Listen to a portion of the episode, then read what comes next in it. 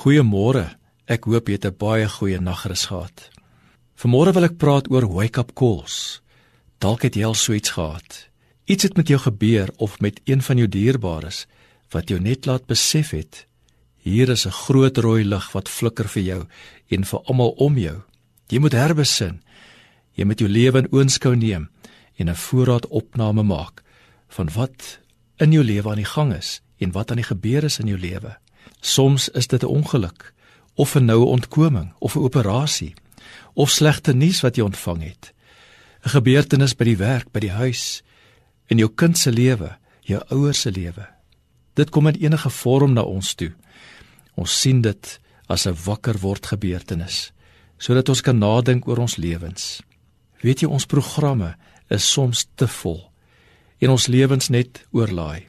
Die gees is oorgewillig maar ons is maar net mense van vlees en bloed. Ons kan net wat ons kan. Soms dra ons ander se bekommernisse en verantwoordelikhede ook nog en dit lyk of hulle rustig aangaan met hulle lewens en die lewe geniet.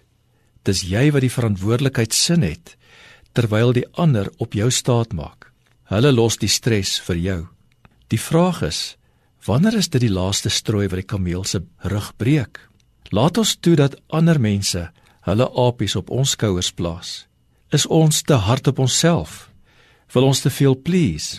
Doen ons meer as wat ons moet? Het ons werkgewers onrealistiese verwagtinge van ons? Of lê die probleem eintlik by my? Ek wat nie kan nee sê nie. Ek wat net altyd kan sien vir meer hooi op my vurk. Ek wat te hoë eise aan myself stel. Ek wat nie kan oopmaak om met ander my laste te deel nie. Ek wat wil presteer en die werkgewer probeer beïndruk. Ek wat wil kompeteer of suksesvol wil wees. Ek wat meer geld wil verdien en daarom meer ure insit. Daar is niks fout om te wil presteer of suksesvol te wees nie. Maar ten koste van wat gebeur dit dit dikwels? My gesondheid, my huwelik, my gesin, waar kom die balans dan in? Hoe stel ek grense aan alles wat rondom my gebeur? Of leef ek sonder grense? Het ek ook 'n eie private lewe vir myself of bestaan daar nie so iets vir my nie? Die Here het vir ons 24 uur gegee vir elke dag. 8 ure om te werk, 8 ure om te slaap en 8 ure om aandag te skenk aan my eie private lewe, my gesin, my huwelik, my huis, my ontspanning, my kerk. Hoe lyk die balans in my lewe? Dank God vir die wake-up calls. Sal ons nie soos Moses bid in Psalm 90 vers 12 leer ons ons dae so gebruik dat ons wysheid bekom.